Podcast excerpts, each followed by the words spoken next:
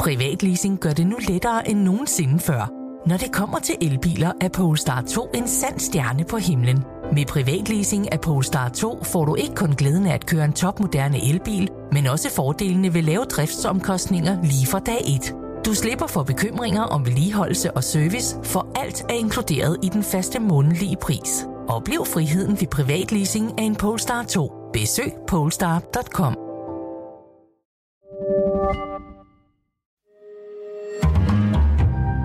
Berlingske. Vi ved det godt. Temperaturen stiger. Floderne udtørrer. Indlandsisen smelter. Kysterne bliver smallere. Vi oplever hyppigere ekstreme vejrforhold. Altså, vi står i den mest bulrende krise måske nogensinde, og vi bliver nødt til at handle. You are failing us. Men klimakrisen truer ikke kun vores fremtid. Den påvirker også vores fortid. Vi ved jo egentlig ikke, hvad vi har tabt, men vi må antage med alle de fantastiske fund, der bliver gjort rundt omkring i verden, også i dag, at der ligger rigtig mange spændende ting, mange mysterier, som vi endnu ikke har svaret på. Det siger Jørgen Hollesen. Han er arkeolog og seniorforsker på Nationalmuseet. Sammen med forskere fra hele verden har han undersøgt klimaforandringernes påvirkning af arkeologien. Jamen det der er far, det er selvfølgelig i første omgang kan man sige, det er vores arkeologi, det er vores kulturarv, men i langt hen ad vejen er det jo vores allesammens identitet. Jørgen Hollesen er min gæst. Velkommen i Pilestræde.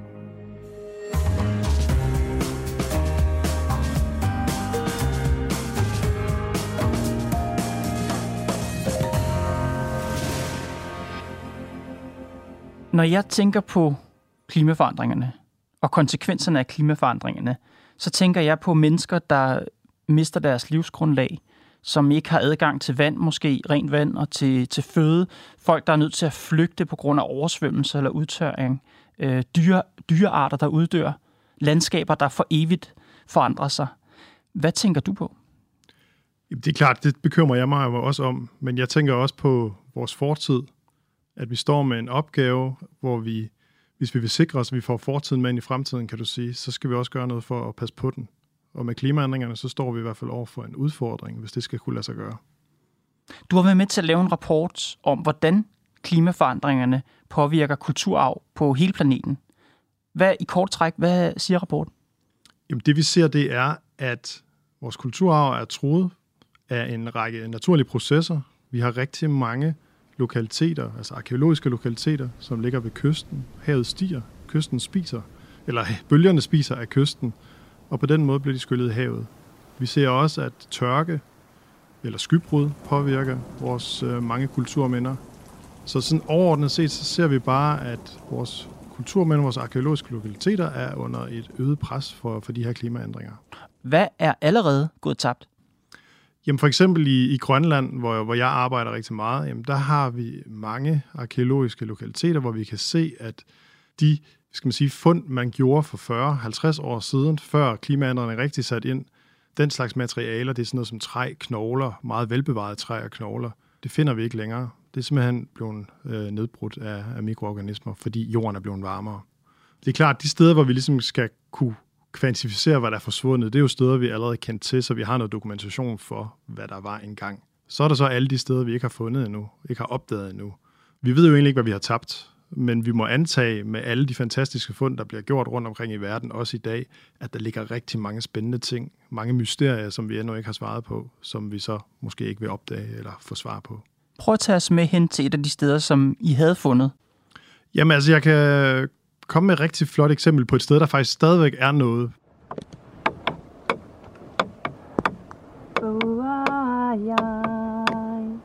Vi har i Kreja ved Disco, i Diskobugten ved Ilulissat Isfjord, et af de mest kendte turistområder i Grønland, der ligger en helt fantastisk boplads ud til isen, hvor der har boet mennesker helt siden de allerførste mennesker kom til Grønland, altså for 4.000 år siden.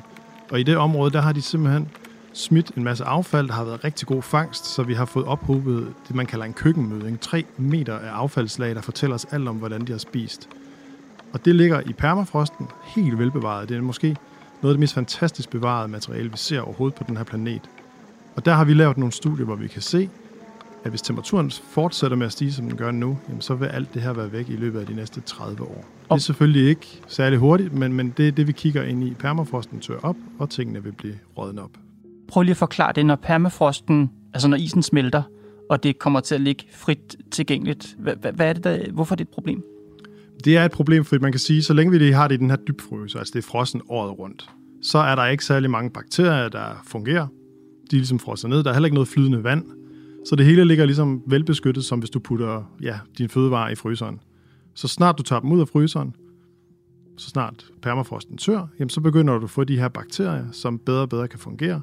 Og hvis der så samtidig sker det, at vi får ilt ind i jorden, og det gør vi så snart vandet bliver flydende, og det kan ligesom kan løbe væk, så får vi også øh, altså en meget højere bakteriel nedbrydning. Og det betyder, fordi i Danmark har vi jo rigtig mange steder, hvor vi, vi ser det ude i skoven, at træ, der falder ned på jorden, det rådner ret hurtigt op og forsvinder. Der er svampe, der spiser det, bakterier, der spiser det. Det vil også ske i Grønland, hvis, hvis frosten ikke længere er der, og det bliver drænet, den her jord. Men hvis du skal kigge på kongeriget Danmark i forhold til steder, hvor du vil være bekymret for, hvad klimaforandringerne kan gøre, hvor det kun er klimaforandringerne, ja. der styrer det, hvad, vil du, hvad er du bekymret for? Jeg er bekymret både for alle de lokaliteter, der ligger ud til kysten, hvor vi ser, at vi har en stigende kysterosion. Så er jeg bekymret for de mange lokaliteter, der ligger i vores vådområder, fordi at vi har, så sent som den her sommer, havde vi nogle meget tørre uger og måneder. Vi havde det tilbage øh, for 3-4 år siden, hvor vi også havde en langvarende tørke, og hvis vandet det ligesom begynder at synke, så får vi ilt ned i jorden, og så vil de organiske materialer simpelthen rådne op. Og hvad er det, der ligger der i de vådområder, som du kunne være bekymret for gik tabt? Jamen det er for det første alle vores øh, mange organiske materialer. Vi, vi har træ fra gamle dage, øh, som har ligget der, og så længe det ligger vådt, som udgangspunkt er det ikke sikkert, at det er så velbevaret, som det ser ud. Men så længe det er vådt, så kan man ligesom, om man holder det vådt og tager det, får det konserveret, så har du et stykke træ, du faktisk kan tolke på.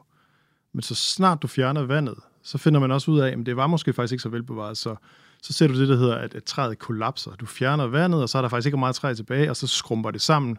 Du skal forestille dig, at du har faktisk et helt flot stykke træ, mm-hmm. men så snart du fjerner vandet, så skrumper det sammen til sådan en helt flad struktur, som ikke rigtig længere kan fortælle os noget som helst om, hvad det blev brugt til. Men, og, og øh, undskyld spørgsmål, Jørgen, men et stykke træ, altså hvad taler vi om her? Hvorfor er det her stykke træ, du taler om? Det er jo lidt, lidt hypotetisk, men hvorfor er det vigtigt? Ja, det er selvfølgelig også det, enkelte stykke træ i sig selv, men det kan jo fortælle os rigtig meget om, det kan jo også være fra, fra våben, landsspyd, eller det, der har siddet, landserne, spyden har siddet på, øh, så kan det fortælle os, man kan bruge det til dendrokronologi, altså det vil sige, hvis du har et stykke velbetrædet træ, så kan du også sige noget om, hvornår det er fra, så kan du bruge det til at datere, og så er det klart, at så, så er det bare, øh, træet i en sammenhæng kan fortælle os om, om hvordan man, man levede og hvad man gjorde.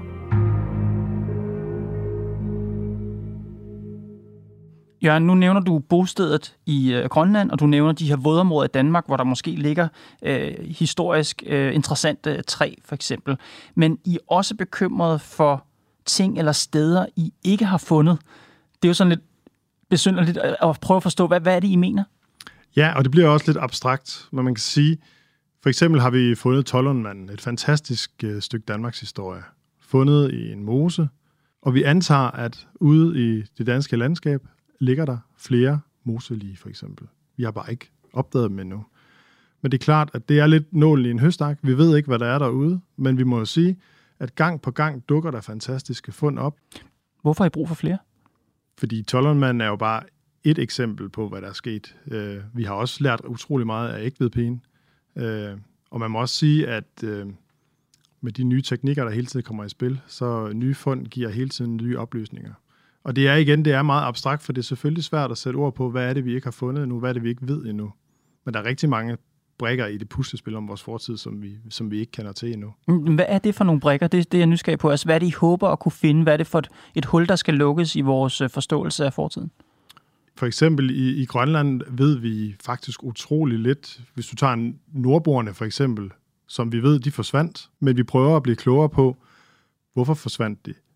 I gamle dage havde man en myte om, at de bare var draget over til Nordamerika. Øh, nu kan vi se, at det er nok mere, når vi kigger på arkeologien, at vi kan se, at, at, at det har været sådan et, et samfund, der ikke længere var bæredygtigt. Klimaet har ændret sig. Vi kan se, at deres kost har ændret sig fra, at de prøvede at leve som, som, som, som landmænd i Grønland det har ikke længere været muligt, så er de så begyndt at spise mere og mere marint. Og det kan vi se på deres knogler, det kan vi se på de ting, der ligger mm. i, i køkkenmødingerne. Så, og, og på den måde, så, så danner der sig et nyt billede af, at de nok har simpelthen ikke har kunne, kunne overleve, fordi de ikke har kunne få den kost, de egentlig har brug for. Og så er der flere og flere mennesker, der er døde, og nogle er også draget væk derfra. Det er sådan nogle oplysninger, som, og med de nye teknikker, der hele tiden kommer, nye fund, så bliver vi klogere og klogere på sådan et mysterie.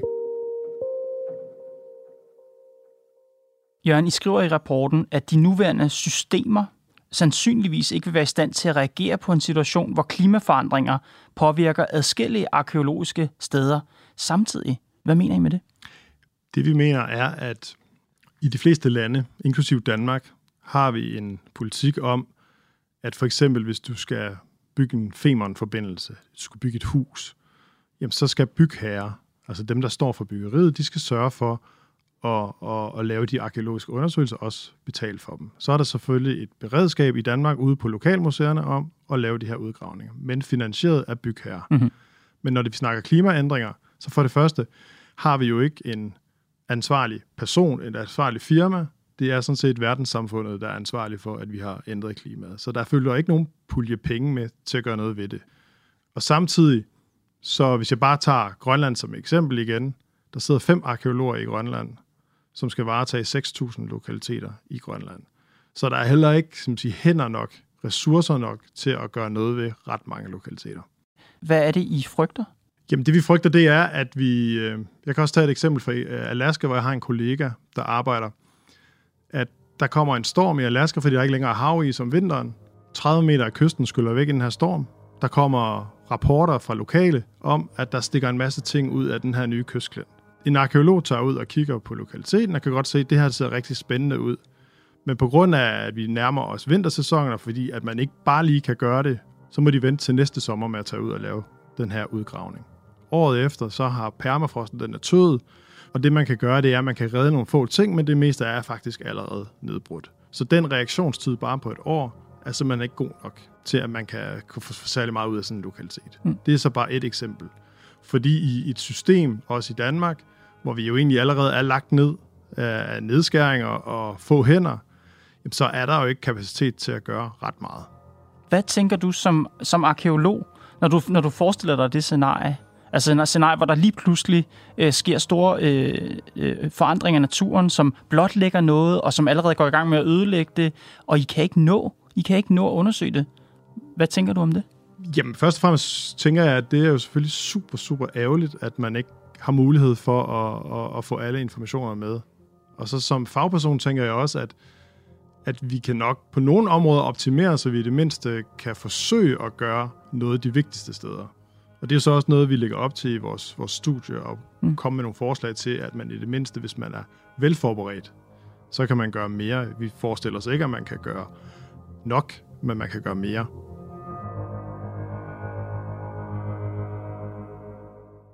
De her ødelæggelser, som I sætter fokus på, som I advarer om, er i gang, og som kommer til at stige i omfang på grund af klimaforandringerne, er det noget, myndighederne i Danmark er opmærksom på? Det er ikke noget, som fylder særlig meget i, i Danmark, i, i, i myndighedernes. Det er det ikke. Øh, I Danmark har vi nok i høj grad fokus på landbruget, for landbruget er nok tradition, traditionelt set den skal man sige, det, der gør størst skade på den danske arkeologi, så man holder især øje med, øh, hvor man pløjer og hvad man gør i, i landbruget. Mm-hmm. Man har ikke så meget fokus på, på sige, de her naturlige processer. Hvad savner du? Jeg savner, at man i Danmark og i resten af verden, der er lande, der er i gang, men man laver en form for beredskabsplan. Altså, hvad er det for en situation, vi står overfor? Hvad er hovedtruslerne i Danmark? For det er jo også forskelligt fra land til land. Hvad permafrost optøning er ikke et problem i Danmark, det er det i Grønland. Men hvad er det for nogle hovedudfordringer, vi står overfor? Og hvad vil vi gøre? Og der tænker jeg også, fordi jeg er ikke naiv, vi skal jo ikke ud og redde alt. Det kan vi ikke. Vi har ikke ressourcer til det. Men at man begynder at gøre sådan nogle overvejelser om, hvad er det så, vi især ønsker at gøre noget ved, altså prioritere. Hvad er det, du gerne vil have de danske myndigheder til at sørge for, når det gælder Danmark? Jeg vil så gerne øh, i første omgang have, at vi indtænker klimaændringer og klimaændringens påvirkning af arkeologien i vores planer, og at vi også begynder at afsætte nogle ressourcer til at kunne forske i det, få en forståelse for det, og i sidste ende også har en plan for, hvad vil vi så gøre, hvis vi har flere og flere lokaliteter. Og det kan godt være, at, at en stor del af den beslutning også vil være, at vi beslutter os for, at vi ikke vil gøre noget. Men så Mhm. har vi taget, skal man sige, en velovervejet beslutning. Den her rapport, som I har lavet, det er jo en international rapport, Ja. forskere fra hele verden. Den udkommer lige op til COP27 i Ægypten. I dag der begyndte det store klimatopmøde COP27 i Sharm el-Sheikh i Ægypten. Og for Er det en tilfældig udgivelsesdato? Nej. Men det er ikke en udgivelsesdato, som vi som forskere har været med til at beslutte. Det er tidsskriftet Antiquity, som, som har, for vi har arbejdet på det her i tre år. Men de har så valgt at udgive den op til, til COP, fordi at det selvfølgelig er et godt tidspunkt at komme med en, skal man sige, en rapport som den her. Ja, og hvorfor er det et godt tidspunkt? Fordi der sidder en masse mennesker og har fokus på, på klimaændringer, og mm. Man kan sige, øh, den her vinkel med kulturarv og arkeologi er nok ikke den, der har fået størst skal man sige, fokus tidligere. Mm. Så det kunne være, at man på det her tidspunkt kunne ramme nogle, nogle af de her beslutningstager i hvert fald et øjeblik. Mm. Det er klart, der kommer mange andre klimarelaterede nyheder. Men de sidder der til, i Ægypten til COP27. Paris-aftalen er død. But that 1.5 degree goal is on life support, and the machines are rattling. We are getting dangerously close to the point of no return. Altså selv FN siger, at bestræbelserne på at holde temperaturstigningen på 1,5 grader mere end det førindustrielle niveau, det, det kan vi lige så godt lægge i graven. Altså vi, vi ser ind i noget, der hedder måske 2 grader, måske 2,5 grader, måske 3 graders temperaturstigning. De her beslutningstager, de har rigeligt travlt med at sikre deres befolkningers ved og vel lige nu. Altså sikre, at, øh, at vi ikke drukner, sikre, at vi ikke dør af tørst, øh, sikre de her helt basale ting. Tror du, at groft sagt, skibsfrag og ufundne mosemænd, det er noget, de vil prioritere. Nej, det gør jeg sådan set ikke. Men jeg tænker, det er vores opgave, og min opgave som forsker, at, at, at komme med de resultater, og, og, og komme med, med, skal man sige, hvad er det for en situation, vi står overfor. Så det er ikke op til mig at træffe beslutningen om, hvad man skal gøre. Men jeg tænker, ved at sætte fokus på det, så træffer man, man kan også sige på et eller andet tidspunkt, når vi kommer længere ud i fremtiden, så kan man jo i hvert fald sige, at man træffer et valg om ikke at gøre noget. Men i den kamp om fokus, der er lige nu, så skal du vel også tænke at bruge de størst mulige ord om, hvad det er, vi står til at miste her. Så hvis du skal tale til COP27, hvis du skal have dem til faktisk at åbne øjnene for det her, hvad vil du så sige til dem? Hvad er det, som er i fare lige nu? Jamen det der er far, det er selvfølgelig i første omgang kan man sige, det er vores arkeologi, det er vores kulturarv, men i langt hen ad vejen er det jo vores allesammens identitet. Det er meget, meget svært at faktisk at sætte ord på, hvad betyder arkeologien, kulturarven for mig eller for dig. Men vi må også erkende, at det er det, der egentlig gør os til mennesker, at vi har en historie med os, og vi har, ja, at vi har fortiden med os. Øh, Så det, jeg vil sige, er, at man skal ikke undervurdere betydningen af kulturarven, og kultur ender jo tit i, i sådan en, en boks langt helt ude i de laveste prioriteringer, fordi at den er meget, meget svær egentlig at kvantificere i kroner og øre, hvad betyder det for os. Og det er kulturarven jo sådan set også. Men jeg vil sige, at man skal ikke undervurdere, og man skal heller ikke tage det som en selvfølge, at det bare passer på sig selv, alt det vi har derude. Hvad skal de gøre i stedet? For jeg ved godt, det er et stort spørgsmål, men nu I melder jeg jo selv på banen. Hvad er det, verdenssamfundet skal gøre her nu? Jamen, de skal, jeg vil sige, de enkelte myndigheder, de enkelte lande, for det er jo delt ud på de enkelte lande, men man skal jo ligesom blive enige om, at her har vi et problem, og at man faktisk vil begynde at anerkende det som et problem, mm-hmm. og begynde at lave planer og beredskaber for, hvad man kan gøre. Det kan godt være, at beslutningen så bliver, at vi kan ikke redde alt, og at vi skal også acceptere, at ting har en tid, ting bliver nedbrudt, ting forsvinder. Og det er jo heller ikke sådan, at arkeologiske steder ikke tidligere er skyllet i havet, ikke tidligere blevet nedbrudt. Men man er nødt til at forholde sig til det. Jørgen, det er ikke fordi, jeg vil gøre dig deprimeret, men jeg tror ikke, politikerne kommer til at prioritere bevarelse af kulturarv. De har øjnene stift rettet på at få nulevende mennesker til at overleve. Øh, det er jeg sådan set enig i, og jeg siger heller ikke, øh, man kan sige, at det bliver også tit gjort til et spørgsmål, skal vi prioritere kulturen, eller skal vi prioritere sundhedsvæsenet? Altså skal vi behandle kraftsyge, eller skal vi gøre noget med kulturen? Og det er også en meget ensbåret måde at sætte det op på, fordi der er mange forskellige puljer af penge, og mange mm-hmm. forskellige hensyn at tage. Det her det er en af de lidt langsigtede, at vil vi sikre en fremtid med kulturarv, så er vi nødt til at prioritere det. Så skal man selvfølgelig ikke være naiv og tro, at det så lige pludselig kommer op på, på øverste dagsorden. Jeg tror ikke, at Mette Frederiksen sidder i regeringsgrundlaget lige nu og diskuterer kulturarv, mm. og, og der skal afsættes. Det er ikke det, der er afgørende. Men jeg føler, at for mig som forsker, For Nationalmuseet som kulturinstitution er det vigtigt at påpege, at her har vi bare en udfordring, og den kan man så beslutte sig for, om man vil gøre noget ved, eller ikke vil gøre noget ved. Hvis politikerne beslutter sig for, eller ikke synes, det er nødvendigt at gøre noget ved det, hvis de ikke gør noget her, hvad sker der så? Det er jo ikke sådan, og det er heller ikke noget, det siger vi sådan set heller i vores studie, det er jo ikke sådan, at det hele forsvinder i morgen. Vi vil bare kigge ind i en fremtid, hvor flere og flere skal man sige, kulturminder vil gå tabt, så skal man sige, hyppigheden af, af spændende fund, spændende historier vil, vil falde. Og en verden, hvor kulturminder går tabt. Hvad er det for en verden? Det er da en fattigere verden, helt sikkert. De nye mysterier, de nye historier, vi hører om, jeg synes jo, det er noget, som jeg har tænkt over efter, jeg nu har jeg arbejdet på Nationalmuseet i 12 år, hvor, hvor, hvor tit man faktisk hører om de her arkeologiske udgravninger, der er i forbindelse med metroprojektet eller i forbindelse med Femern, hvor mange fantastiske, egentlig ret små ting, der bliver fundet, men som kommer i Berlinske eller i politikken eller alle mulige andre steder, fordi det faktisk interesserer folk. Men det giver også en eller anden bindeled til vores fortid, som, som jeg vil mene er, er, er vigtigere, end vi faktisk tror. Det giver os noget, noget følelse af at være en del af et eller andet. Jørgen Holsen, tak fordi du kom Pilestræde. Selv tak. Tak fordi jeg måtte komme. Det var Pilestræde for i dag.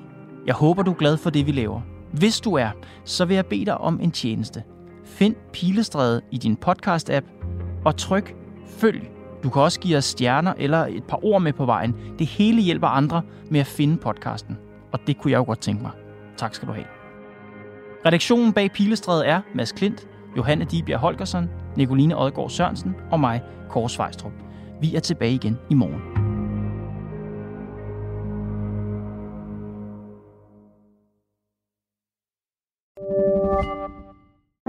Privatleasing gør det nu lettere end nogensinde før.